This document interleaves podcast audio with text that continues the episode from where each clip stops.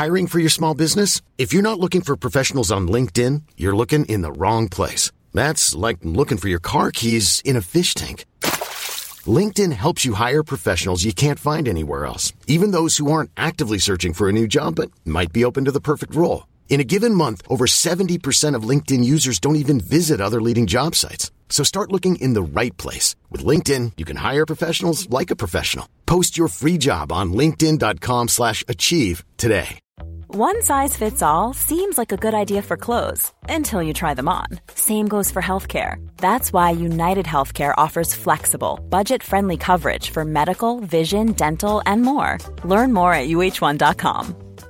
This is Paige, the co-host of Giggly Squad, and I want to tell you about a company that I've been loving, Olive and June. Olive and June gives you everything that you need for a salon quality manicure in one box. And if you break it down, it really comes out to $2 a manicure, which is absolutely insane. It's also so easy to get salon worthy nails at home with Olive and June. The difference between how your nails used to look when you did them yourself and now with the Manny system is a complete game changer. The best thing about Olive and June too is it's a quick dry, dries in about one minute, lasts for five days, and full coverage in up to one to two coats. Visit oliveandjune.com slash perfect manny 20 for 20% off your first system. That's oliveandjune.com slash perfect manny 20 for 20% off your first system. Vi har ett samarbete med Läkarmissionen nu inför Mors dag. Och många av oss är ju mammor och när Mors dag närmar sig så tänker i alla fall jag lite extra på ynnesten av att få vara mamma. För det är verkligen inte alla som får det. Nej, och vi har ju pratat mycket om säkra förlossningar. Men det är för att det är en hjärtefråga för oss. Och särskilt efter vi var och besökte Nkinga-sjukhuset i Tanzania förra året där vi faktiskt såg med egna ögon vilken skillnad som vi månadsgivare faktiskt gör. Mm. Och just det att Läkarmissionen varje år bidrar till att 1500 kvinnor får en säkrare förlossning med kvalificerad vårdpersonal på Nkinga-sjukhuset säger ju en hel del. Ja, ja, men det var verkligen som att poletten trillade ner när vi var där. Och vi har tänkt jättemycket på just det, hur vi förmedlar det här till er. Alltså vilken skillnad man som månadsgivare faktiskt gör. Men det är svårt. Verkligen. Det är svårt genom ord att göra det, men vi hoppas bara att ni genom att höra oss berätta tar det som ett tecken på att nu är det dags att bli månadsgivare, om du inte är det. Ett av mina starkaste minnen från när vi var där var när vi träffade en kvinna. Hon var i 20-årsåldern, jag skulle säga 24-25. Mm. Hon hade precis förlöst sitt femte barn och detta var det första barnet som överlevde och det var också det första barnet som hon födde på sjukhus. De andra barnen hade hon fött hemma och ingen av dem hade klarat sig. Jag känner, alltså det bara går rysningar i hela kroppen. Det var så Mm. starkt. Ja, det... Och ja. just nu, så länge lagret räcker, så får du ett Mam Wow-armband som gåva när du blir månadsgivare. Och det är, om jag får säga det själv, eh, för det är jag som har tagit fram det, jag och min kollega, men det är ett jättefint armband och du kan välja mellan guld och silver och svart. Så du ger alltså en mors present som räddar liv i form av säkra förlossningar och så får du en fin gåva till dig själv eller till någon som du tycker om. Mm, och jag kan intyga de här armbanden är superfina. Gå in på läkarmissionen.se snedstreck vara sanningar för att bli månadsgivare idag. Och skriv gärna till oss efteråt för det är så fint att ta del av era tankar och känslor kring det här. Och så kanske vi läser upp det i podden, vem vet? Tusen tack till alla er som blir månadsgivare och främst tack till Läkarmissionen. Tack så mycket. Radioplay. När jag var i den situationen, det var när det inte var så jättebra mellan mig och Niklas för många år sedan. Då tog jag upp det och då tog han faktiskt det på allvar direkt och vi började gå i parterapi och sånt där. Jag kan tänka mig att det var räddningen. För tänk dig då att du inte hade fått feedback på det och han hade bara, nej, nej, jag tycker allt är jättebra, det är väl inga konstigheter. Nej, jag då är- hade inte vi suttit här kan jag säga. Nej, det är så.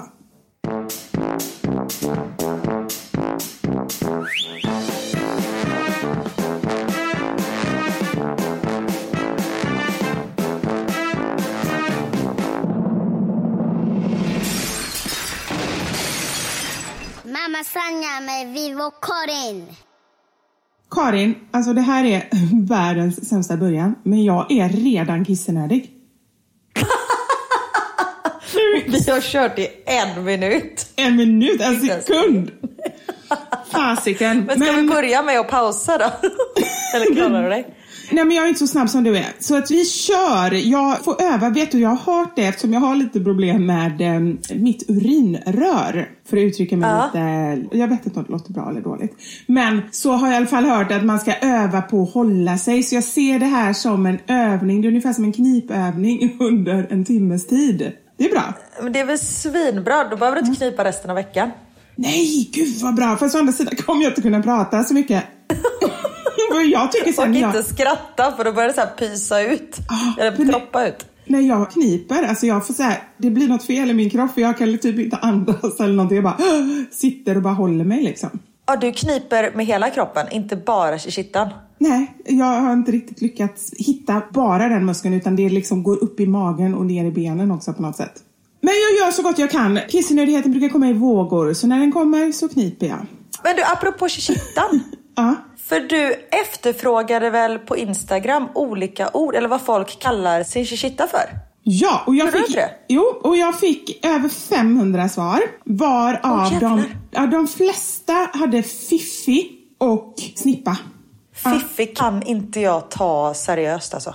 Nej, varför det? Fiffi? Nej men jag, det låter som något tecknat. Ja, det är sant. Det låter som en eh, tjej i Kalanka. Alltså Mimmi, Precis. Fiffi. Ja, jag håller med. Nej, Men knatte, fnatte, chatte, fiffi och Kalle typ. det, nej. Och så får man se en stor snippa gå runt så här bland de som har... Ja, nej. men, men vi kör Chichita. Jag tycker det är bra. Ja men chichita är bra. Min kompis brukar ju säga soltorkad tomat för de ser ut som en chichita. Aha! Nej men gud!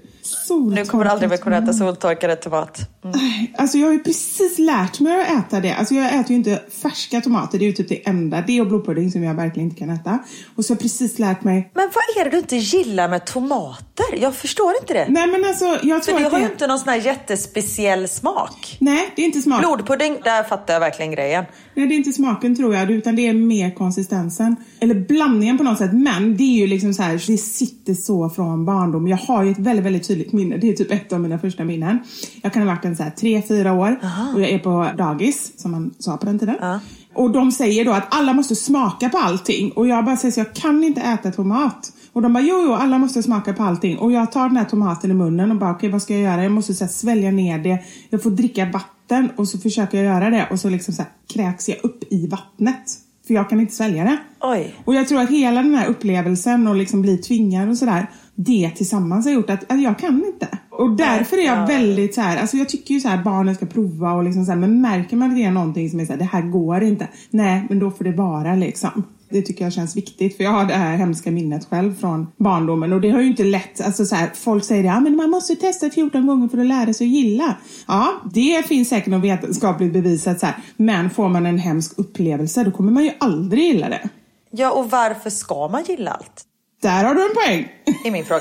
det har jag aldrig tänkt på. Nej men, faktiskt, men faktiskt, alltså det är så här, och tomat är väl ganska, men du kan äta så här tomatsås, det funkar, eller hur? Nu för tiden, innan kunde jag inte äta någonting som hade med tomat att göra. Men nu har jag lärt mig äta allt förutom färska tomater. Och numera då efter det här chichita-grejen, inte soltorkade tomater. Förlåt. Nej, jag skojar. Ja, nej men för jag tänker, vi var i eh, Paris nu. Över. Ja! eh, på höstlovet. Då har ni varit ja. Ah. Ja, det berättar jag mer om snart. Men då i alla fall så käkade Niklas eh, sniglar, eller escargot. Ah. Jag vet inte varför jag sa det på franska, för det är exakt samma sak. Jo, men du vill väl låta lite... eh, kan det franska ja. ordet. Precis. Niklas åt escargot. Och han var så här, du måste smaka. Och jag bara, men varför egentligen? Bara, du måste smaka. För jag är lite så här feg med nya saker. Jag är ju skaldjursallergiker. Och då, så, då käkar jag inte skaldjur såklart. Men så är det så här med musslor och det kan jag egentligen äta för det är blötdjur. Men så är det som skylt på att jag har varit allergisk och sånt där. För att jag tycker att det ser vidrigt ut. Ja. Samma sak med sniglar. Men nu var jag så här, nej men nu får jag smaka. Och han var så här, men du måste smaka, du måste smaka. Verkligen så här pusha mig. Jag bara, okej men ge mig en halv jävel då. Och så äter jag det. Ja, jävel. Nej men jag tycker att det är så fruktansvärt äckligt. Ja. Och det, han bara, men det smakar ju bara vitlök. Jag bara, nej, för jag vet att jag äter, jag tänker typ att jag äter en mördarsnigel liksom. jag så här, han bara, men gud töntig du är. Jag bara, men varför måste jag tycka om det?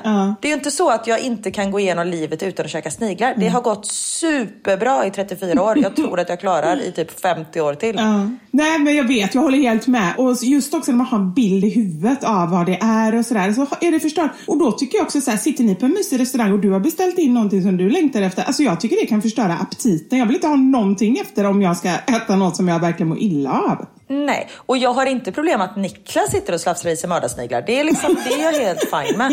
Men det är så här, men varför ska jag behöva äta det? Samma sak med musslor. Alltså det var också så här, jag testade musslor häromdagen. Nej, det går inte. Det är liksom så här. Det, det, det är gniss... Nej. Nej, då säger vi det.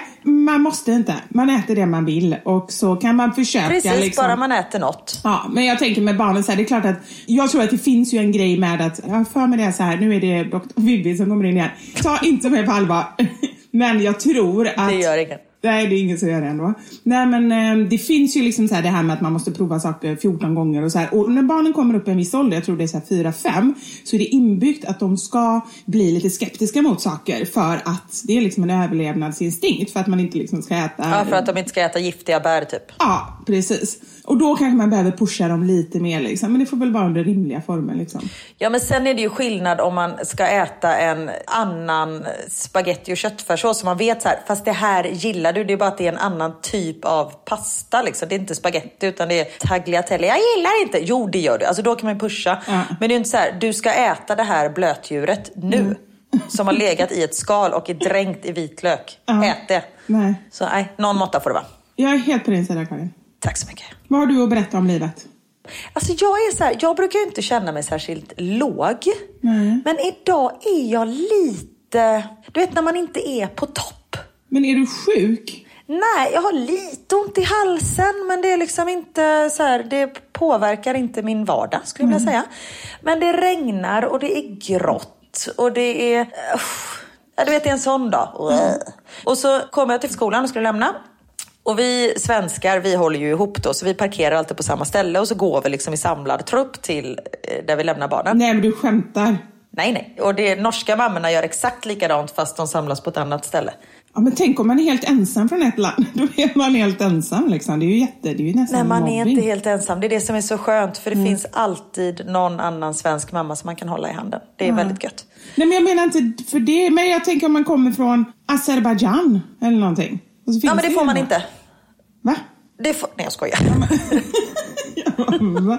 Nej men förstår du grejen? Jag är rädd att någon känner sig utanför. Ja. Jag försöker rädda... Alltså, så Nej, men absolut. Men då, om vi skulle se en mamma som kom från Azerbajdzjan som var helt själv, då hade vi sagt Kom, du får vara med oss. Det är Bra. alltid svenskar som representerar Azerbajdzjan i Melodifestivalen till exempel. Så man känner ändå att man har en samhörighet med Azerbajdzjan. Eller hur? Bra Karin! Jag vill bara säga att du tar ditt ansvar. Nu kan du fortsätta berätta. Självklart. Men då idag, apropå ansvar, så kände jag att jag hade ett till ansvar. För det var en mamma som bara, hur mår du? Jag bara, nej men jag är inte helt på toppen. Hon bara, jag ser det på dig. Det är liksom någonting. Hon bara, men hur ska vi andra göra då? Det är alltid du som peppar oss. Och jag bara, "Ah, okej. Ja, för jag är ju oftast glad och liksom, ja men så här, positiv människa.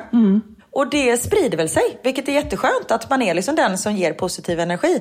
Och då känner jag bara så här, men gud har jag det ansvaret också? Och hon var verkligen så här tydlig med att nej, du får vara Ja, hur ledsen bra. du får stå och gråta om du vill. Liksom. Det är inte så här, gå hem, klipp dig och så kom tillbaka.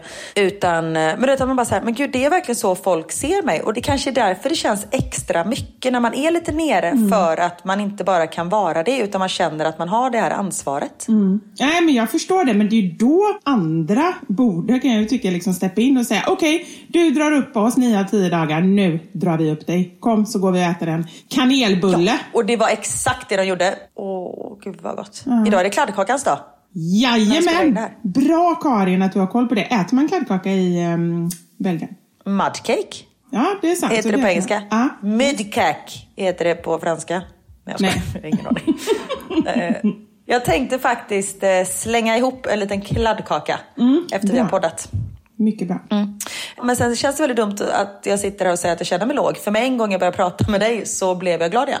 Så du är ju mitt det är lyckopiller. så underbart. Åh, tack Karin. Men det har jag ju sagt så många gånger innan. att, för då känns det nästan jobbigt att börja prata så här, men jag känner mig låg. För att när jag väl börjar prata med dig så känner jag mig inte låg längre. Nej, jag vet, jag sitter och ljuger. Jag är inte alls låg. Glöm, klipp bort det här som Men, jag... men på riktigt så tycker jag så här, om man nu liksom ska ge något råd eller liksom tips kring just det här att man behöver ju verkligen någon eller några människor i livet som man vet. Och det handlar inte om att det behöver vara människor som är alltid positiva eller sådär, men att man har liksom en jargong, att man kan skoja och skratta även åt eländet. Alltså så här, man kan Precis. vara sig själv helt, men man kan också skratta lite åt det. Jag tror att alla människor behöver några sådana i livet. Ja men verkligen. Och just att man så här connectar med dem. För det var jag lite orolig för nu när vi liksom har flyttat utomlands och sånt där. Man bara, tänk om jag inte träffar någon människa som jag verkligen kan vara mig själv med. För jag har väldigt lätt att liksom smälta in i de flesta sammanhang, anpassa mig efter andra människor och liksom så här. Nej men okej, men den här personen är så här och med den här personen är så här. Men ju äldre jag har blivit så känner jag så här, fast varför ska jag umgås med folk som jag egentligen inte tycker om? Varför ska jag hålla på och anpassa mig för mycket? Jag måste ju kunna vara mig själv någon gång. Ja men absolut. Och det var jag orolig för nu. Så här, tänk om vi flyttar hit och jag bara måste anpassa mig efter andra hela tiden. Fy fan vad jobbigt. Nej, men just att man känner så här att jag måste kunna ha min konstiga humor. Och, ja. och det finns ju supermånga mammor som jag verkligen kan vara det med. Som igår så var jag och tittade på Theo när han hade taekwondo. Och hans lärare, alltså det stod, jag vet inte om det är hans namn eller om det är liksom taekwondo-sällskapet heter det nog inte. Men hans grupp som heter Cookie Woot. Cookie Nej, Cookie One står det på hans rygg. Och det är alltså K-U-K K. Ja, så det står kuk på hans rygg. det är inte bra med dig som mamma. Nej, nej, men jag satt ju och jag har tagit så mycket kort på hans rygg och skickat till den här andra mamman och du vet bara få tillbaka så här jätte så här, skrattande smileysar. Och jag bara, gud vad skönt och inte liksom så här att jag var tvungen att sitta där i min ensamhet och skratta åt den här kuken. Utan det var, jag kunde dela det med någon. Men har du inte delat det på din Instagram? Nej, jag borde nog, ska jag göra det? Ja, såklart du ska. Jag vill säga kuktröjan. Ja, men då lägger jag upp den snart när vi har poddat klart.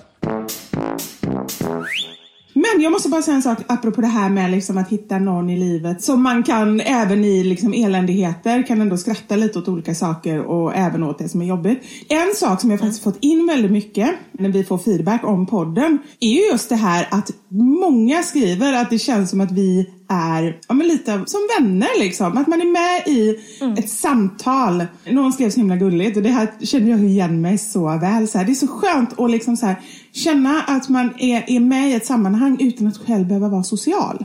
Ja, Det var liksom beskrivningen av att lyssna på vår podd.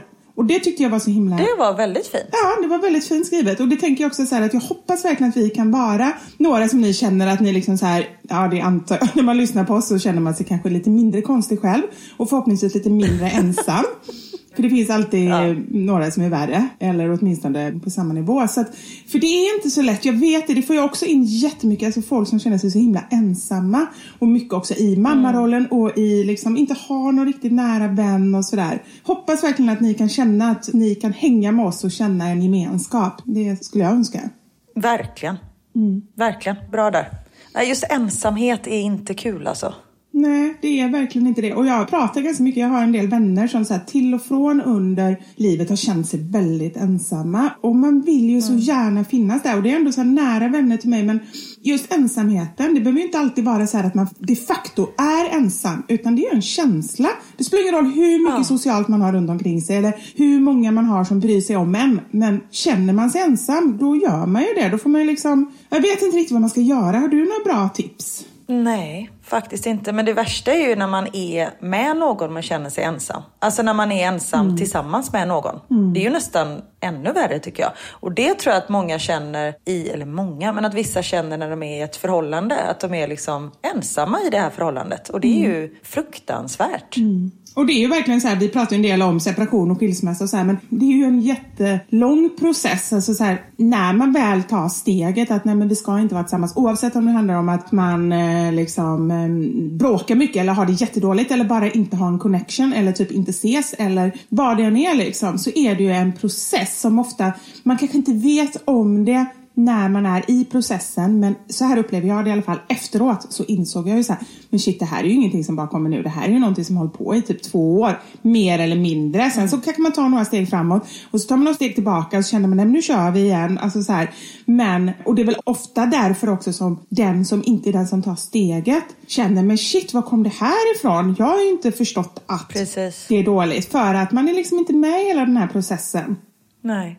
Och det är det som jag tror är så viktigt också att man verkligen pratar om det. Att man inte bara sitter i sin ensamhet och funderar utan att man faktiskt säger sina tankar högt. För det är inte förrän man gör det som man kan börja göra någonting åt det. Du tänker att man säger det till sin partner eller till någon annan eller vad tänker du? Ja, nej men både och. Mm. Fast jag tror att det ofta är så här att, och lite av egen erfarenhet och det som jag har hört av andra, för jag har ju pratat mycket om det här med andra som har varit i samma situation, är ju att man försöker ju ofta ta upp det på olika sätt, men den andra är ju inte alls där så att man tas inte på allvar. Det är ju liksom så här, ja ja men det, det är väl bra liksom. Och det är en sån jobbig grej Mm. att ta upp så då orkar man inte bara det här att ta sats liksom och säga att nej men jag tycker inte vi har det bra eller jag behöver det här eller jag mår inte bra i vår relation eller vad man än säger. Det är ju någonting som man kanske får ladda för sig tre veckor innan man klarar av att säga. Och tar inte personen det på allvar då, då liksom så här bara, nej men då orkar man inte, då bara backar man igen liksom. Så att, Ja. ah, det är lättare sagt än gjort. Ja, ja, faktiskt. Och det är lätt för mig att sitta som aldrig liksom har varit i eller jo, jag har varit i ungefär den situationen. Men, eh, och då i och sig, när jag var i den situationen, det var när det inte var så jättebra mellan mig och Niklas för många år sedan. Då tog jag upp det och då tog han faktiskt det på allvar direkt och vi började gå i parterapi och sånt där. Bra för det, men på riktigt, jag kan tänka mig att det var räddningen. För tänk dig då att du inte hade fått feedback på det och han hade bara, nej nej jag tycker allt är jättebra, det är väl inga konstigheter. Nej, jag då hade ju- inte vi suttit här kan jag säga. Nej, det är så. Då hade inte jag suttit själv i ett hus i Bryssel.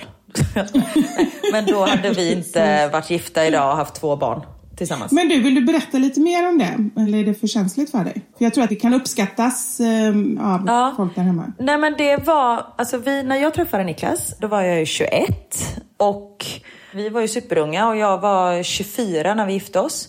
Och under de fyra första åren av vårt förhållande så jobbade Niklas i Asien som sjökapten. Just det. Så han var borta åtta veckor och jag var liksom själv i åtta veckor. Och sen var han hemma i åtta veckor och då var han ledig och då hade vi hur kul som helst. Då var det liksom Liseberg hela tiden. Och eftersom jag jobbar ganska konstiga tider, jag jobbade, ja men då jobbade jag med TV redan då och körde Let's Dance och sånt där. Så när han väl var hemma då kunde jag ju anpassa mina arbetstider så man liksom kunde gå ut och käka middagar sent varje kväll och man började inte jobba förrän klockan två dagen efter. vet, Så här. Men sen så när vi hade gift oss så var det en dag Nej men som vänta jag lite, var stopp, hemma stopp, bara- stopp. Men han flyttade väl hem innan ni gifte er? Nej, han var kvar på havet. Okej. ja. Så egentligen, om man ska vara helt krass, så hade ju ni inte haft ett liksom vanligt liv innan ni gifte er. Ni visste egentligen inte vad ni gick in Nej, utan vi, eller vi hade varit tillsammans i tre år. Så vi hade ju ändå liksom, vi kände ju varandra och vi bodde ju ihop och sånt där. Men det är ändå skillnad när man bor ihop med någon som är ledig hela dagarna när de Såklart. väl är hemma. Och sen så är man själv liksom. Och det var inte så att jag kunde säga, fan vad jag saknar Niklas, jag ringer honom. Utan då var det när han var på havet, vi kunde prata typ tre dagar i veckan och det var när han var i hamn någonstans. Och då du vet, pratar man på en knagglig Skype-linje med fördröjning. Och jag har ju fortfarande så, när jag hör den här, vet när man ringer upp på Skype så låter det på ett speciellt sätt. Jag ryser i hela kroppen. Jag får sån ångest av den signalen. För det är så här, samtidigt som att det var ju enda gången jag kunde prata med honom. Men just den här fördröjningen, så när han kom hem, jag bara, gud vad skönt att prata med dig utan fördröjning. Det var liksom det jag såg mest fram emot. Så det var ju otroligt så här speciellt. Men så gifte vi oss 2009. Och så var det en dag som jag var hemma och bara föll ihop totalt på golvet. Du vet, jag låg i en blöt fläck och kunde inte röra mig och ringde min bästa kompis. Jag bara, du måste komma hit. Jag liksom, jag har bara gått sönder och hon kommer dit och jag bara, jag kan inte ha det så här. Jag kan inte vara gift med en man som bor på andra sidan jorden som jag inte kan prata med. Nej, såklart. Och så hörde jag av mig till Niklas och jag skrev ett mail till honom eftersom jag inte kunde ringa och bara så här, det här du måste komma hem liksom. Och han förstod, för jag, under fyra år har jag aldrig sagt att han ska komma hem. Nej. Utan jag är så här, jag vill inte stå i vägen för dina drömmar utan du kör ditt race och så länge det funkar så kör vi. Men så jag sa till honom en gång att nu vill jag att du kommer hem och då kom han hem direkt. Han fick jobb hemma väldigt snabbt. Så det liksom, Jag ryser det hela kroppen. sig. Shit. Ja.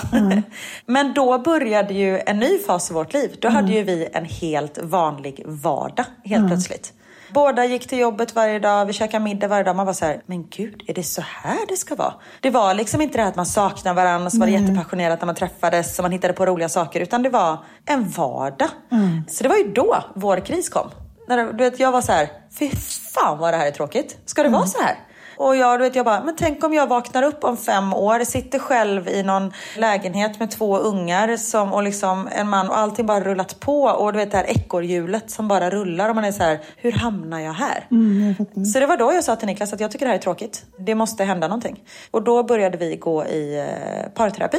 Och vi gick liksom i terapi i förebyggande syfte kan man säga. Och det tycker jag, det måste jag slå ett slag för. Och det känns som att vi kvinnor generellt, nej skit i det, det vet jag inte, det kanske bara jag och mina kompisar. Men det känns som att vårt gäng i alla fall, och du nu visar också det, att man tänker mer så att det behöver inte vara någonting dåligt för att man Alltså det är klart det finns en känsla av att det här kan bli riktigt dåligt eller man får en Ja, gnagande men precis. känsla. Men det behöver inte vara att man är liksom på ruinens brant för att gå i parterapi. Men då är det oftast för sent. Ja. Men Det är bättre att ligga ett steg före. Och terapeuten sa det, han bara, jag förstår inte riktigt varför ni är här. Vet, vi satt typ och höll varandra i handen liksom. Vi närmar oss ett stort eh, jubileum. För nästa vecka, eller det är ju sig beroende på när du lyssnar såklart, men eh, den 20 november så fyller barnkonventionen 30 år. Och under de här 30 åren så är det ju väldigt mycket som har blivit mycket, mycket bättre för barnen i världen. Men det finns ju många utmaningar kvar såklart. Ja, och det är ju här som vår samarbetspartner Barnfonden kommer in i bilden. Allt Barnfondens arbete grundar sig på just barnkonventionen. De följer alltid upp arbetet med utgångspunkt i barnets bästa och för att stärka barns rättigheter. Och oavsett om Barnfonden arbetar med utbildning, hälsa, försörjning eller barns trygghet så har de ett helhetsperspektiv som alltid syftar till att ge barn en tryggare uppväxt, vilket leder till en bättre framtid. Och ni är flera, vilket vi tycker är jätteroligt, som har hört av er efter vår förra podd där vi försökte sätta lite eld i baken på er för att faktiskt skaffa sig ett fadderbarn eller en fadderkompis då som vi också pratar om till era barn. Att ni har faktiskt tänkt på det länge och att ni tack vare oss har fått liksom ehm, ändan ur vagnen och det är väldigt roligt tycker vi. Ja, verkligen. Jag fick ett eh, DM här på Instagram där var en tjej som skrev Idag kom vårt första fadderbrev. En snart treårig pojke från Kenya. Har alltid varit vår plan när barnen blev äldre, nu fem och tre år. Så att ni lyfte det via eh, Barnfonden blev vår start på denna resan. Och det är så himla roligt att, eh, nej men att ni kör på. Och som sagt, julen närmar sig. Det är en perfekt julklapp både för era barn, att ge er ett barn en fadderkompis, men också för barnen i till exempel Kenya eller Etiopien. Det här ja, barnet som ni hjälper. Så gå in på barnfonden.se och läs mer och där, ja, men bli fadder helt enkelt. Ja. Och vi vill återigen rikta ett stort tack till Barnfonden. Tack så mycket för att ni är med oss på det här. Vi är så glada och tacksamma för det. Tack Barnfonden.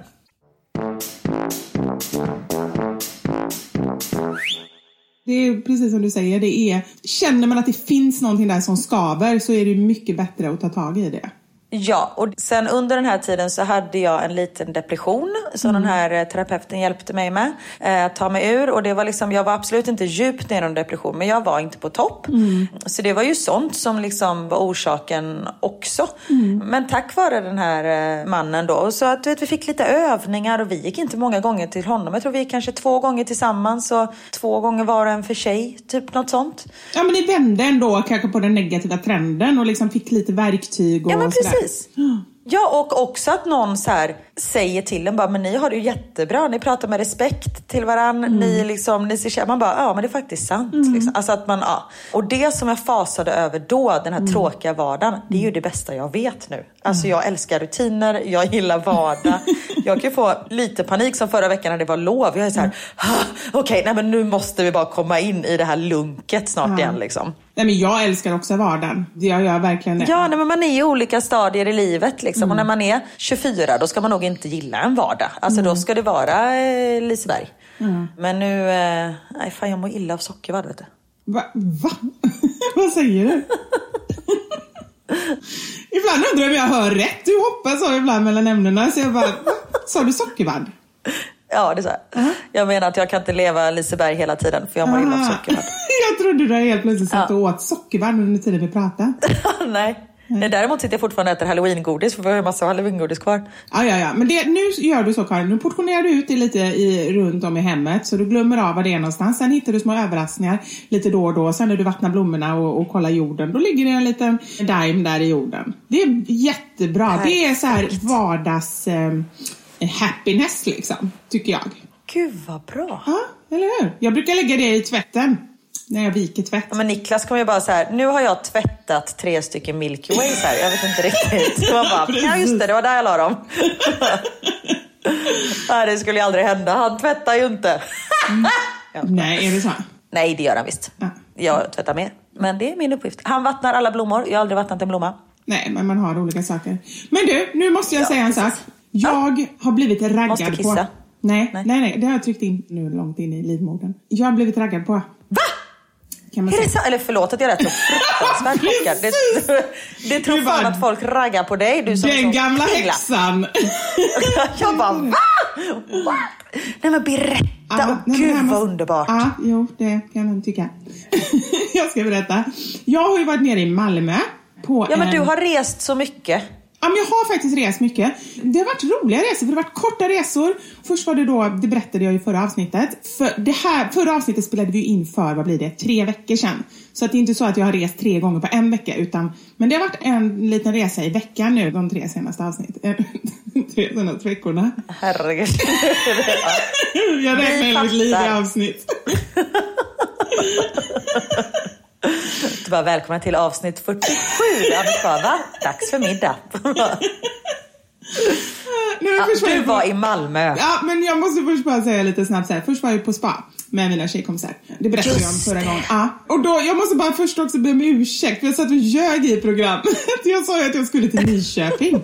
Det var alltså samma dag, bara några timmar efter som jag skulle åka. Och så hade packade jag väskan och skulle jag ta bilen och åka hemifrån. Och tänkte jag måste bara kolla exakt kartan. Då visade det sig, det var inte alls Nyköping. Det var ju på Värmdö. Det är på ett helt annat ställe. Och i Stockholms kommun. typ. Ja, ja, och jag har ingen aning var jag fick Nyköping ifrån. Och då insåg jag att men det var ju mycket smidigare för mig att åka eh, kommunalt. Så då eh, åkte jag buss istället i sista sekunden. Men allting löste sig, inga problem.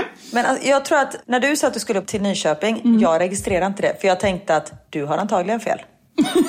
ja, ja, det är bra. Men jag känner, det känns faktiskt väldigt, det kändes som jag satt och ljög, inte dig skiter jag väl i, men alla som lyssnar. satt och ljög dem rakt upp i ansiktet. Ja, det var fint att du bad om ursäkt. Ja, och sen så var ju jag och barnen i Finland på höstlovet. Och det vill jag verkligen rekommendera om det är så här, för det var inte alls särskilt dyrt. Då åkte vi torsdag kväll och kom hem söndag morgon. Och då sov man på båten, detta var alltså i Åbo. Då sov man på båten torsdag till fredag och sen så sov vi på hotell fredag till lördag och sen så sov vi på båten lördag till söndag. Så vi var ändå borta tre nätter. Och att åka en sån båt är inte dyrt. Nej, det var alltså själva resan. Jag ska inte säga att det var superbilligt, men jag bara jämför liksom med som vi har pratat om innan, så här, man går på Liseberg eller Gröna Lund eller liksom någon sån grej. Då tycker jag man får så mycket mer för pengarna. Och det blir så mycket mer äventyr. Man liksom så här, åker båt. Och sen när vi kom fram, då gick vi på någonting som hette Det finns vin. det finns vin på båten. Jajamän, det fanns det. Ja. Men vi skulle upp skittidigt dagen efter så jag bara, ja, det blev ingen vin för mig. Det är det enda dåliga ska jag säga med de här resorna. Det är ju att man kommer ju fram, klockan sju kom vi fram till Finland och sen när vi åkte hem så kom vi fram klockan sex. Det är ju ingen höjdare alltså. Oj, men, nej, det... men har man småbarn då kanske man ändå är uppe på den tiden så att då kanske det är helt perfekt. Faktiskt, Ja, nu när jag tänker efter. Ja. Men då så gick vi till någonting, för Knut hade fått det här i födelsedagspresent. Han fyller år i april, men jag har de senaste åren istället för att ge honom grejer, alltså så här, det är så konsumtionshets ändå, de får så otroligt Ja, mycket vet. saker. Så jag har gett honom, han har sagt det själv att han vill ha det, små resor. Så förra året var vi på Kolmården och i år då så var den här resan till eh, Finland och då var själva huvudutflyktsmålet var någonting som heter Superpark som ligger i Åbo. Som är liksom en aktivitetspark, lite som en blandning mellan sån här, du vet, studsmatteställe, alltså jump eller jump yard eller vad det nu heter. Och med lite olika jag vet inte ens hur jag ska förklara det, för jag, jag har inte upplevt det här i Sverige innan. Det är lite som ett Ja, lekland. men det är ett stort jävla lekland med massa olika avdelningar. Typ. Ja, men det är det. Men det finns också grejer för äldre. Det är väl skillnaden. Det är liksom så här, det funkar för från tre år, nej från kanske, ja, jo tre år säkert. Men det funkar också upp till 15 för det fanns liksom, Elmer älskar att åka kickbike, det fanns olika kickbike-grejer, det fanns olika roliga så Du, här, han var inte den enda som åkte kickbike. Jag såg att du också åkte. Jag åkte kickbike och det var ju jag jättepinsam tydligen som gjorde. Mamma, ser du att du är den enda vuxna som åker här? Ja men seriöst. Ja. Om jag betalar för att gå in så gör jag exakt vad jag vill, säger jag till dem. Då ska du fan utnyttja allting. jag bara, nu blir det en sån här trippelvolt här uppe från sjunde våningen. Jag bara, och där flög lårbenshalsen. och så bodde vi på ett hotell som det också fanns lite så vattenland på. Jag som älskar sånt. Ironi. precis. Men eh, det som var bra i det vattenlandet var att det var- varmt i vattnet och då kan jag öva i. Det är ju kylan jag hatar. Ja, Så då att, eh, funkar det ju. Ja, ja, då Ja. funkar det. Så det var bra, det rekommenderar jag. Och så sista resan då, det var i Malmö igår och det var en jobbresa. Det var, vad ska man säga, typ ett event för oss i branschen. Så jag fick träffa lite kollegor, vilket jag tycker är så roligt. Man är ju så ensam, vi pratar ju om det ibland. Det är ju därför också vi, liksom, när vi får hänga så är det så här, det är så himla härligt för att det är så sällan man hänger med någon sådär. Ja. Men då träffade jag, då var det flera stycken, det var Seinas Kitchen, vet du vem det är? Seina, ja. Jag har hennes kokbok. Ja, eller hur bra? Hon säger själv att det är världens bästa och jag tror absolut på henne. Och sen så Camilla Hamid som har haft eh, Yes. My Kitchen Stories. Och så var det Lindas bakskola. Ja men det var några stycken sådär som man fick eh, hänga med. Det var väldigt trevligt och härligt och underbara tjejer. Och så var det lite så här kurser, de hade bjudit in lite föreläsare. Så vi hade någon med fotografering och någon med en advokat som pratade lite om liksom, om man gör samarbeten och så, vad som är viktigt med annonsmärkning och sådär. Och sen så um, pratade lite om synlighet i sociala medier och smarta knep och lite sådär. Så det var väldigt både roligt och lärorikt skulle jag säga. Men gud vad bra. Ja. Men när blev du raggad på? Ja, nu kommer jag till det. Igår vid frukostbuffén så står jag och plockar mat. Alltså förstår när man är en frukostbuffé. Jag kan inte tänka på någonting annat än allt gott som jag har framför mig. Det är liksom inte riktigt där jag tänker mig att det ska komma fram någon. Det, Nu händer det. Nej. Nej. Och då så står jag där och plockar och så känner jag så här, du vet, man känner när någon står lite för nära. så jag bara vänder mig om. Man är så här, är han också ute efter leverpastejen eller vill han ha min leverpastej? Vill man ha min soltorkade tomat? Men då så, bara, så kom han så, så, så han så här, så, ganska tyst, vilket jag förstår då eftersom det var en frukostbuffé, liksom matsal. Då så sa han så här, ursäkta mig, sk- skulle jag kunna få ditt nummer? Och jag bara, men shit! Oj. Alltså jag blev helt chockad, jag bara vände mig om och bara kollade på honom så här. Och sen så kollar jag, ner, kollar jag ner, alltså inte ner på snoppen utan ner på, klä, kläderna. Du bara, kan jag bara få titta på det innan jag tar detta beslut? Kolla ner på kläderna. Det visar sig att han jobbar på hotellet och att han vill ha mitt rumsnummer för han vill se att jag inte gra- gratis äter. Så jag Vad blev roligt mycket att du bara. 0704 25 72 93. Men gud, för det hann ju komma en massa såna tankar. Jag bara såhär, okej vad ska jag säga? Jag är upptagen. Va, vad säger man liksom? Börjar jag ju tänka då. För jag kunde inte bara ge mitt nummer liksom. Jag hann ju inte ens titta på honom innan. Så, här, så det var ju inte så att jag tog ställning till om jag ville ge mitt nummer. Jag bara, vad har jag för ursäkter? Men det var ju inte riktigt så. Gud vad roligt. Så så är det när man blir raggad på nu för tiden. man blir inte ens Ja. Nej, eller så var det exakt. Han ville ha ditt rumsnummer för att han ville gå upp och vänta på dig på ditt rum. Tänk den synen man kommer in och så bara sitter det någon där naken. Fan vad rädd man skulle bli. Ja, det hade ju inte varit en rolig överraskning. Apropå rum. Hela mitt rum var ju fyllt av, fyllt av flamingos. Ja men jag såg det, det var ett swingersrum. Ja, det var ju det. Så jag kände så här att det kanske, alltså det här kanske är ett steg på hela den här, alltså det är någon som vill ha mig i en riktning kände jag. Först flamingos och sen Ja, och sen så kommer han och frågar efter Ja. ditt nummer. Du märker ju det här, det var, du blev ju raggad på.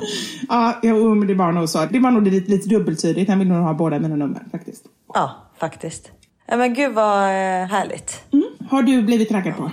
Eh, nej, men jag har varit i Paris. Ja, men bara det, det är ju kärlekens stad. Faktiskt. Nej, men vi bor ju liksom i mitten av allting nu. I eh, hjärtat av Europa. Så vi sa, nu måste vi utnyttja det här också. Så vi satte oss i bilen och åkte två och en halv timme söderut. Och söderut? Västerut? Söderut. det. Mm. Vi satte oss i bilen och åkte två och en halv till tre timmar åt något håll. Och kom till Paris. Det är roligt om du skulle få åka. Det är som en fidget spinner, man bara snurrar. Jajamän, vi kör åt höger. Och så, kommer man lite. Ja.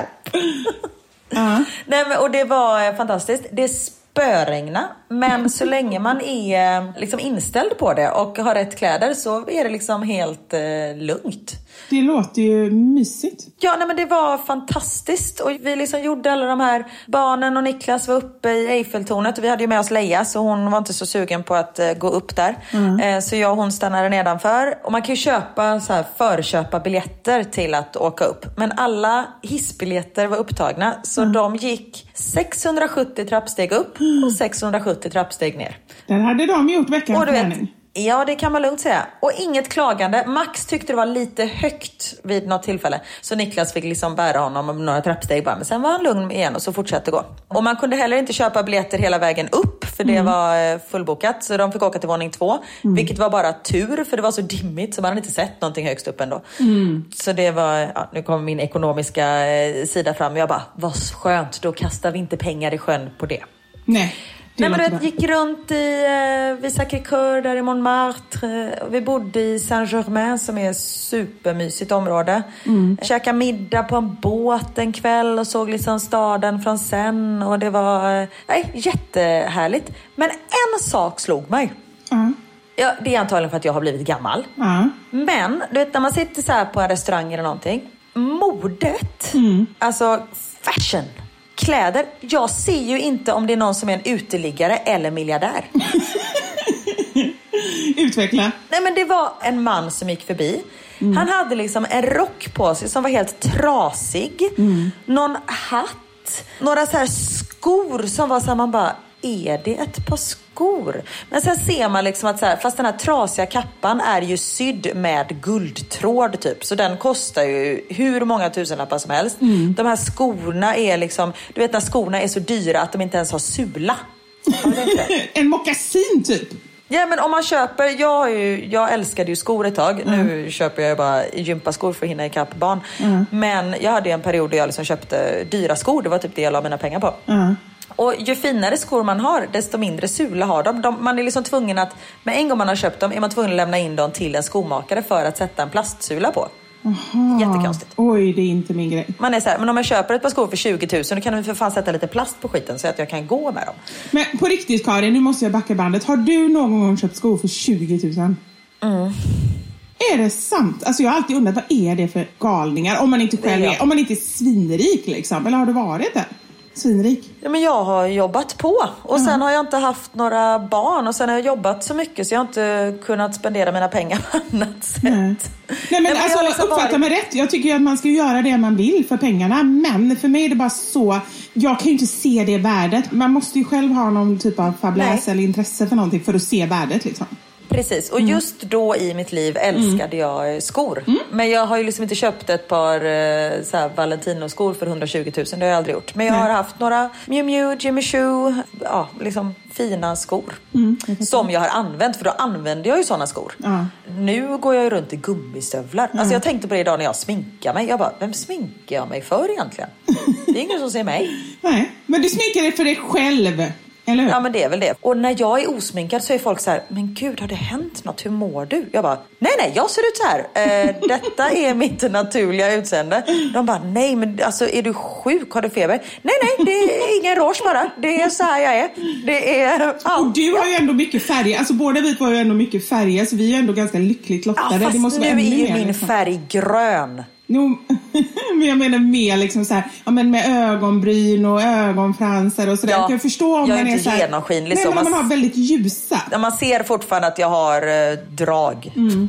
Ja, herregud. Nej, men så det var det jag funderade på med modet. Just Ja. att det är liksom att modet är så märkligt. Och samma sak den här, det tror jag att jag har pratat om innan. Det här som är modernt nu tydligen, det har jag missat. När tjejer går runt i svarta sopsäckar för att det är modernt att ha typ plastbyxor. Ja, ja men det sa du när du var på Östermalm. Eller så lack. Ja, och jag tänker ju bara de kommer få svamp i underlivet för det där andas ingenstans. Samtidigt som det var ganska praktiskt i och med att det regnade så mycket. Så då kommer ju liksom min mamma sida fram och ja men det var praktiskt. De tänkte regnbyxor idag. Det var ju bra. Och att de tänkte att när man spiller på dem, fatta hur bekvämt. Det är ju jättelätt att torka av med en trasa bara.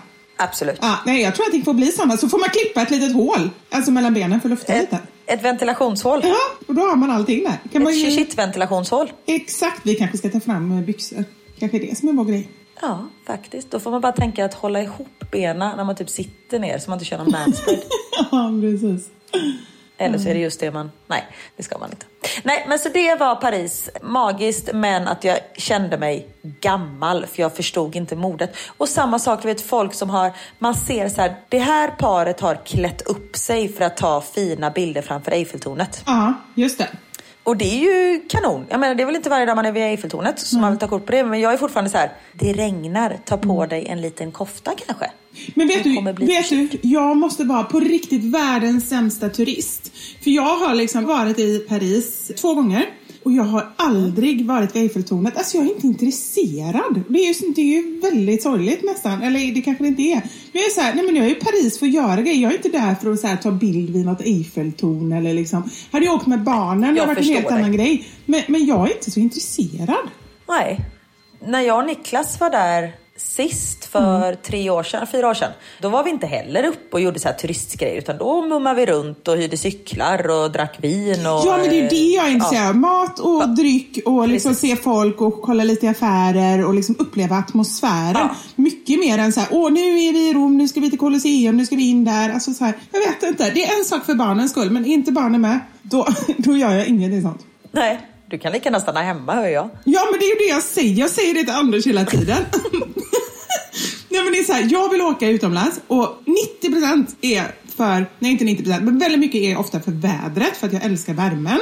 Sen om jag ligger på och har fantastisk utsikt och det är så här, man betalar massa mer för att ha balkong ut mot vattnet så här. Det är ju trevligt när man sitter kanske och tar ett glas vin på kvällen och så. Men annars är det så här, bara jag får ligga ner och få sol på mig så spelar det inte så stor roll var och när och hur. Alltså det är bara att skaffa ett jävla solarium Vivi. Ja. Och stanna hemma. Ja, om det hade varit nyttigt så nästan så. Vi har ju pratat mycket i det här avsnittet om allt vi gör med våra barn. Jag har varit i Paris, du har varit i Finland. Vi har liksom gjort, men man gör ju fan saker hela tiden. Och därför blir jag så irriterad när barnen kommer och säger jag har ingenting att göra. Och det är just det som veckans mamma sanning handlar om.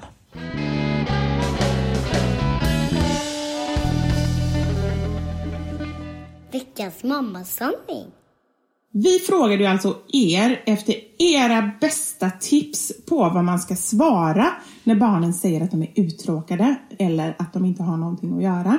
Och Det här är ju nästan som en bibel. Jag kommer ta massa av de här knepen och lägga in i min bok som jag håller på att skriva. För där kommer jag ha ett avsnitt som handlar om just det här med smarta, snabba knep när man vill att barnen ska kunna göra någonting själva helt enkelt. För det är ju det det handlar om. Alltså det här ska ändå vara saker som man själv inte behöver vara jätteengagerad i, tänker jag. Ja, precis. Det är ju inte så här, kom vi går och leker kurragömma. För jag anledningen till att jag vill inte leka med dig just nu. Det är därför du ska hitta på någonting själv. För jag har annat att göra eller jag vill ligga och titta klart på min serie. Gör du det? Det måste jag fråga. Tittar du på serien när barnen är vakna? Nej.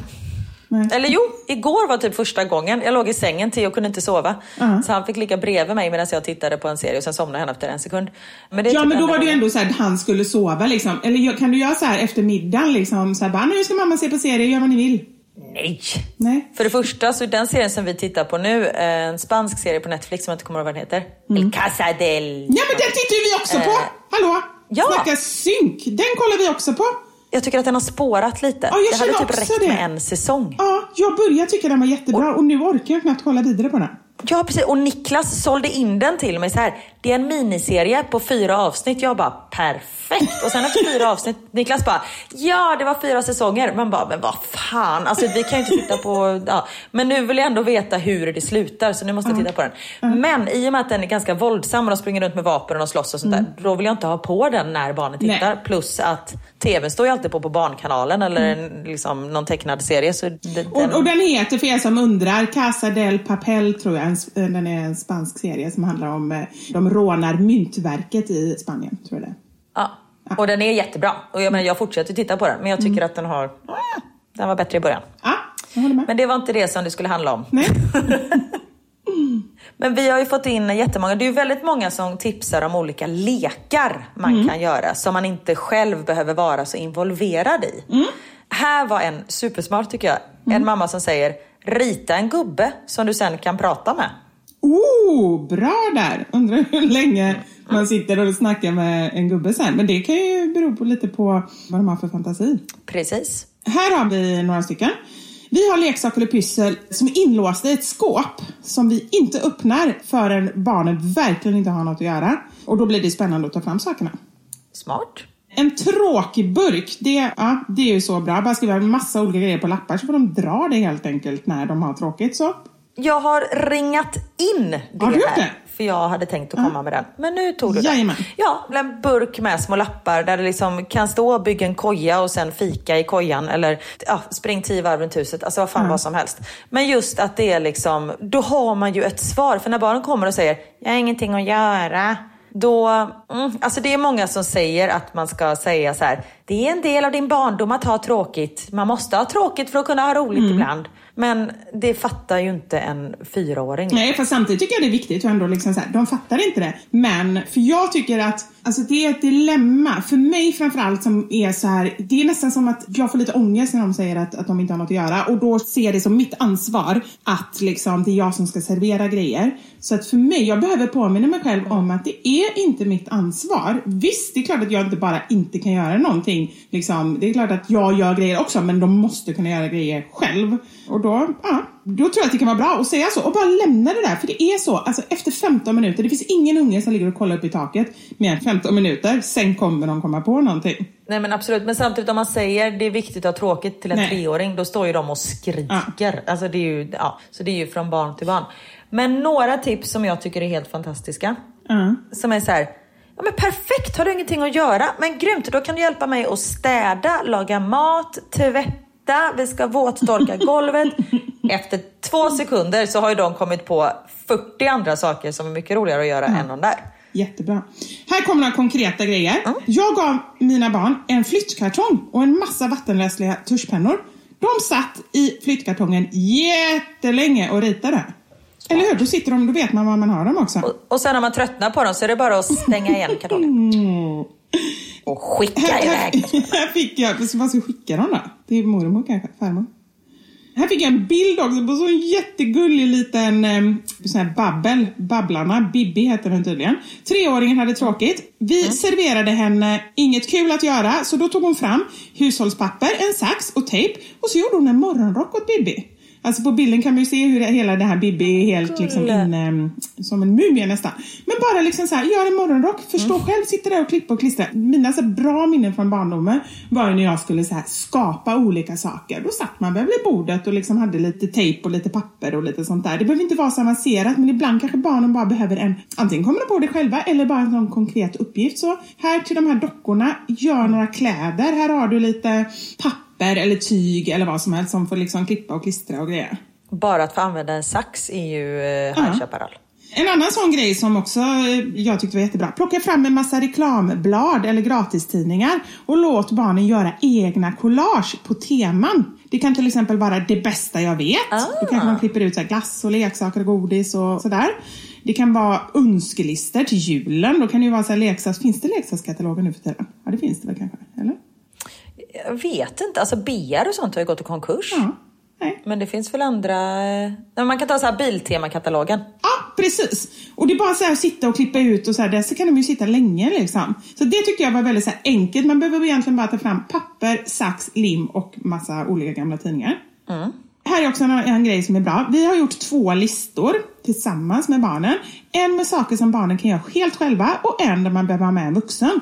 Då kan man ju då, så jag har inget att göra och då kan man ju säga så här, okej jag kan vara med en stund, då kan vi kolla på den här listan när en vuxen kan vara med. Eller nej, jag kan faktiskt inte vara med, jag ska fixa det här. Så då får vi kolla på den här listan. Det är ju jättebra. Bra, verkligen. Här är någonting som jag tycker är skitdåligt. Ursäkta mig. Det är jättebra för det är säkert många andra som tycker det här är bra. Vi ska se vad du tycker. Att leka häst. Jag kryper runt på alla fyra och låter barnen rida på ryggen. Men är du galen? Det är ju det värsta som Ja, finns. jag tycker också det. Att när man liksom ska vara någon form av möbel som barnen ska klättra på. Jag vet inte vad det är, men jag tycker att det är så jobbigt. Nej, jag får panik. Max är inne i något sånt stadie nu där han ska klättra på en. Och jag får, alltså, jag vill bara skjutsa in honom i väggen typ, för jag får panik. Ha en annan människa som står på en, låt mig vara. Jag har varit också- inne i min kropp i nio månader, låt mig ha den själv nu när den äntligen är ute. Ah, Men också så här, de har ju ingen känsla i alla fall när de är yngre, liksom just att de ställer sig så här på ansiktet, på huvudet. Alltså man kan ju nästan dö liksom. Ja, ja, utan problem. Men att vara häst, nej. Nej. Nej. där går min gräns, eller den har gått för länge sedan innan det. Här kommer en till som inte är bra för mig heller. Nu säger jag bara grejer som- jag inte tycker är bra. Men jag tänker att någon annan kanske men det tycker kanske är bra. andra som gillar att leka häst. Ja, nej, men det, så är det ju. Alltså, det är ändå någon som har tipsat om det, så det är jättebra. Och här kommer någon... Det finns ju, förlåt, jag måste vara ett, ett instick. För ovanlighetens skull tänkte jag att jag bara går in på ett sidospår. Ehm, jag såg någon sån här outsider-avsnitt Ja. med folk som lekte hästar. Alltså vuxna människor som var hästar. Oj. Vadå, sprang runt och hoppade och grejer? Ja! Och hade typ en människa efter sig som, alltså, med spö och grejer.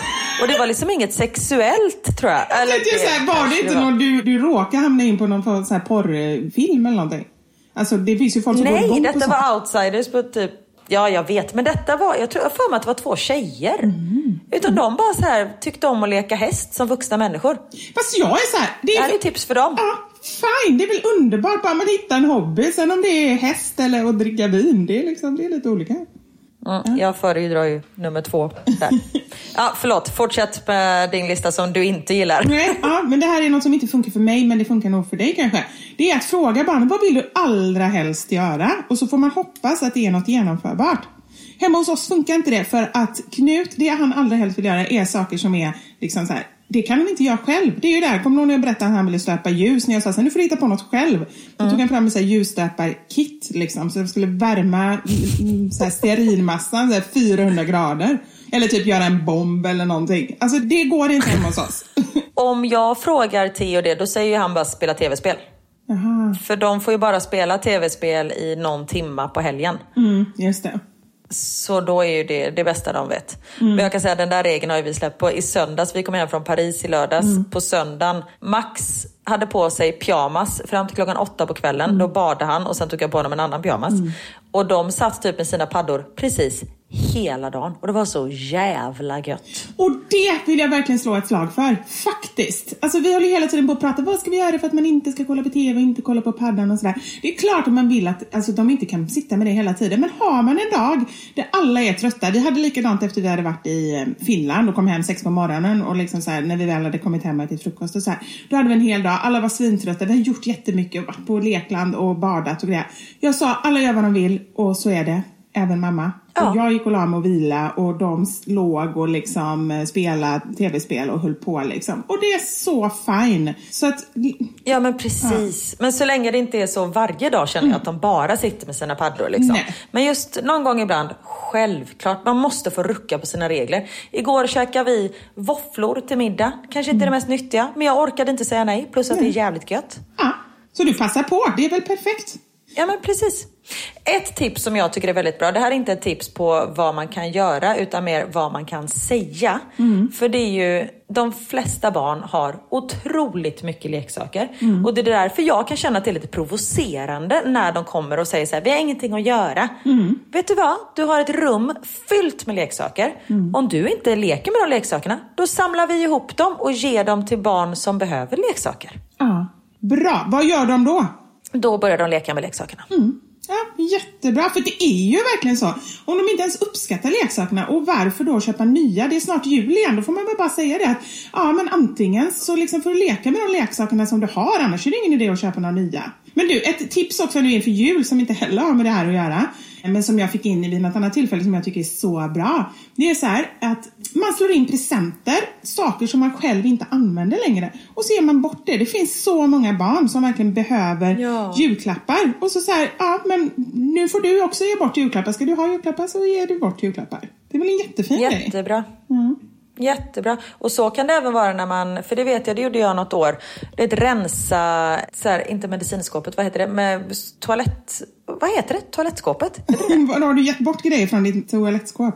Ja, men du vet så här, oöppnade fattar. schampoflaskor, hudkrämer. Alltså det finns folk som behöver det. Och detta tror jag gick till så här, Stadsmissionen eller någonting. Så slog man in och så skrev man liksom att detta passar en eh, kvinna eller eh, det var ett raklödder, det är en man som ska ha det. Eller kanske en kvinna som har raklödder också. Ja, men ni fattar. Jättebra. Förlåt, det var inte meningen. Nu lät det som att jag så här, ger bort grejer. Jag såg framför mig så här, en typ en gammal skrumpen så här, tvål. Ja, nej, grejer. nej, inte en så här halvöppnad eller halvkonsumerad eh, hudkräm som det blir typ mögel i. Den eh, ger jag inte bort. Nej. Utan ja, men nya fräscha grejer. Ja. Några snabba tips här nu. Be dem stå helt stilla och titta sig noggrant runt om i rummet och använda sin fantasi och komma på någonting med bara det de ser. Då blir det ju liksom en liten utmaning också. Mm, det är alltid bra att göra en tävling av det. En tävling och det har jag gjort så mycket. Alltså så här, sätta igång fantasin. Just det här när de byggde mycket lego så var det så här, okej, en utmaning. Ni ska bygga en eh, nöjespark till exempel. Det kan vara kiosk, det kan vara olika liksom, eh, karuseller, det kan vara vad som helst. Använd er egen fantasi så sitter ni och bygger och sen när ni är klara så ropar ni på mig så kommer jag in och tittar. Det brukar funka också, de vill ju visa upp. Så det kan vara allt från Precis. teckningar till pyssel och liksom så här. Men också, och det, ja, sitt här och så ropar ni på mig när ni är klara så kollar jag. Och då ger man ju dem tid och liksom sätter sig ner och frågar och så här. Så de verkligen känner att man liksom är intresserad. Men de får faktiskt sitta och Precis. bygga där ett tag. Smart. Och sen ett sista tips här som jag har. Jag har ju faktiskt en pysselsida själv. Jag har ju Fixa själv. Ja. Och det är också då Instagramkonto där hela min, alltså från början, nu har jag ju en del så här bak och liksom lite sådana saker också och ganska mycket så här hacks och tips. Men från början så var ju syftet med Fixa själv att vara ett pysselkonto med superenkla pyssel för jag saknade det själv. Jag orkade inte så här, men gå ut och köp och så ska man så här, köpa massa saker som inte finns beställt på nätet och så här. Så jag har ju liksom jättemånga pyssel som är så här, två ingredienser du har hemma. Till exempel som min... Eller typ gör en tavla av pasta. Nej men det kan vara så enkla saker. Eller supermjuk lera har jag ju recept på som består av balsam och majsenamjöl. Det blir en jättemjuk härlig lera och det har man ju ofta hemma. Så den typen av grejer, om ni är intresserade av det så har jag det på Fixa själv. Så att ehm, det behöver inte vara så avancerat. Nej men jättebra tips. Tack hörni för att ni är så eh, kreativa. Ja, och jag känner det. Vi mammor, eller vi föräldrar, vi är aldrig smartare än när vi liksom slår våra kloka huvuden ihop. Dels får man känna att man inte är ensam om den här utmaningen, men man får också lite smarta knep och tips. Jättebra. Tack snälla. Och du, innan vi avslutar måste jag ha eh, din smarta hjärna. Ja. Vi ska ha barnkalas för Max nu på lördag. Han har ju precis fyllt tre. Precis, det var en månad sedan. Vi har inte riktigt hunnit med honom. Andra barnet. Den där lille, vad var det han hette nu igen? Ja, men den där, den där blonda saken, vad är den heter? Nej men så vi ska ha barnkalas för honom och det blir liksom hans första barnkalas. Och det är ju regnigt november. För när Theo har fyllt år, han har fyllt år på sommaren så då har man ju kunnat vara ute i trädgården och sånt där. Vad gör man med sju stycken tre till femåringar under två timmar? Jesus, vet du, jag har så bra knep. Jag vet inte om jag hinner ta dem här, men okej, vad, har han, vad gillar han nu? Jo, jag vet, Paw Patrol. Är det det som är Ja, temat? han ska ha eller? Paw Patrol-kalas. Ja, bra, då har ni ett tema. Då skulle jag säga så här. Mm. Först och främst så gör några lekar som har med Paw Patrol att göra. Alltså det kan vara ganska enkelt. Tänk dig Under hökens vingar kom. Tänk dig den leken. Kommer du ihåg den? Ja. Ja. Då istället så säger ni så här. Under, vad heter någon Paw Patrol-unge? Eller mm, hund? Chase. Under Chase tassar kom. Och så kör ni samma lek. Eller är de, de, är de tillräckligt stora den här leken eller är de för små? Smart. Ja, de är nog lite för små, men, eller vissa är tillräckligt stora. Ja, men det är skitbra att man gör om lekar till temat. Ja. Och till exempel, det kan vara istället för så här, sätt knorr på grisen så kan det vara så här, sätt svansen på Chase till exempel. Åh, bra. Så det skulle jag säga är... Dansstopp. Man ska sluta vara hund när musiken slutar. Ja, men det ser du. Kolla, du, du har ju massa bra knep själv. Ja, det var ju tack vare dig. Men gud vad bra. Nu fick jag lite um, inspiration. Och sen när det gäller mat och sånt där så tänker jag, där kan vi också göra lite så olika hundgrejer. Hundbajs till exempel. Chokladbollar som ser ut som så här hundbajs. Ja, det var inte du lika... Nu har ju jag ett barn som bara gillar bär, så det ska bli typ bärbuffé. Ja, Eh, men men sen vill han även det. ha tårta för hans kompisar gillar tårta och sånt där. Men det Ja. blir ju en Paw Patrol-tårta då såklart. Det blir jättebra. Där har ni hela kalaset. Och ett sista knep. Nej men grymt! Ett sista knep som är faktiskt väldigt bra. Två timmar. Jag tycker att det är så här, Mm. det känns som en ocean av tid när man har massa småbarn. Men jag brukar Mm. dela upp den här tiden i kvartar. Två timmar är lika med åtta kvartar. Då sätter du så här, första kvarten, ja men då är det bara så här, folk ska komma, liksom så här, att se till att alla kommer in och liksom sådär. Andra kvarten, Mm. då kanske du har du kanske bara tagit fram massa leksaker så får de leka fritt. Det tycker jag ofta brukar vara ganska bra. Kanske inte om de är för små, kanske inte om de inte känner varandra. Då kanske de bara sitter i sina föräldrars knä. Ja, fast bara detta är bara från förskolan. Alla känner ju varandra liksom. Så man skulle ju bara kunna skicka upp dem på maxrum Ja, så har bra. de roligt. Då har de roligt, det är jättebra. Sen tredje kvarten, då kanske man har mat om ni nu ska ha det. Fjärde kvarten, fika. Och sen har ni två kvartar med lekar, arrangerade lekar. Sen, nu har min smarta hjärna räknat ut att vi är uppe i sex kvartar, vilket är en och en halv timme. Då har ni bara en halvtimme kvar. Då kör ni, om ni vill ha någon paketöppning eller någonting sånt där. Och sen kör ni någon, eh, om det är någon skattjakt eller om ni har någon eh, fiskedamm eller något sånt där. Och sen så ska de gå hem. Det känns mycket lättare och man har mycket mer kontroll över liksom, tiden och barnen tycker jag, när man har lite så här, uppdelat i kvartar. Gud vad bra. Perfekt. Tack snälla. Tack själv! Nu känns det mycket lättare. Och skattjakt är bra. Det kan ju ta tid. Som avslutas med... börjar med skattjakten och så är det bara skatter. börjar med skattjakten och sen får de stå ute i regnet och vänta på sina föräldrar. Perfekt, äta hundmat. I fiskdammen så får de varsin sån här regnponch. Och så har vi hundmat att äta, det passar ju bra med alla här hundarna. Och så får de hundmat. Niklas bara, vad är det du... Ja men vi, vi sa att de skulle äta hundmat. Det var ju... Eller missuppfattar jag henne nu? Fan jag lyssnar inte. ja men du, skitbra. Tack snälla. Det känns som att eh, det kommer bli ett bra kalas. Ja, det kommer det bli. Och tack alla ni där hemma som orkar med oss, som lyssnar och som Ja, ger oss feedback och som är så underbara. We love you! Ja, tack snälla hörni. Och ni vet, ni kan ju eh, följa oss i livet hela tiden. Vivi bor på... Jag skojar, nej. Eh, mig kan ni följa på eh, Instagram, da Silva Karin. Och sen bloggar jag på mamma.nu. Och mig hittar ni på Mammasanningar och eh, mina pyssel och fix och kalastips och så hittar ni på Fix själv. Underbart. Tack snälla för att ni har lyssnat. Ha det gött! Ha det så bra! Vi syns nästa vecka. Puss och kram! Hej, hej. Hejdå!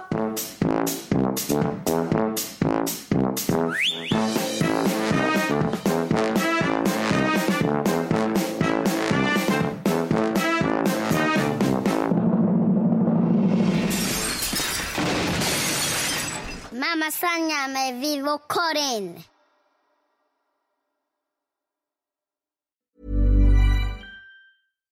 Hi, I'm Daniel, founder of Pretty Litter. Cats and cat owners deserve better than any old fashioned litter. That's why I teamed up with scientists and veterinarians to create Pretty Litter. Its innovative crystal formula has superior odor control and weighs up to 80% less than clay litter.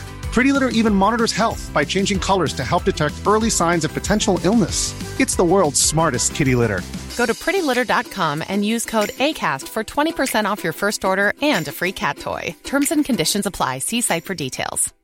Imagine the softest sheets you've ever felt. Now imagine them getting even softer over time. That's what you'll feel with Bowl and Branch's organic cotton sheets. In a recent customer survey, 96% replied that Bowl and Branch sheets get softer with every wash. Start getting your best night's sleep in these sheets that get softer and softer for years to come. Try their sheets with a 30-night guarantee. Plus, get 15% off your first order at bowlandbranch.com. Code BUTTERY. Exclusions apply. See site for details. Planning for your next trip? Elevate your travel style with Quince. Quince has all the jet setting essentials you'll want for your next getaway, like European linen, premium luggage options, buttery soft Italian leather bags, and so much more. And is all priced at 50 to 80% less than similar brands. Plus, Quince only works with factories that use safe and ethical manufacturing practices. Pack your bags with high-quality essentials you'll be wearing for vacations to come with Quince. Go to quince.com slash pack for free shipping and 365-day returns.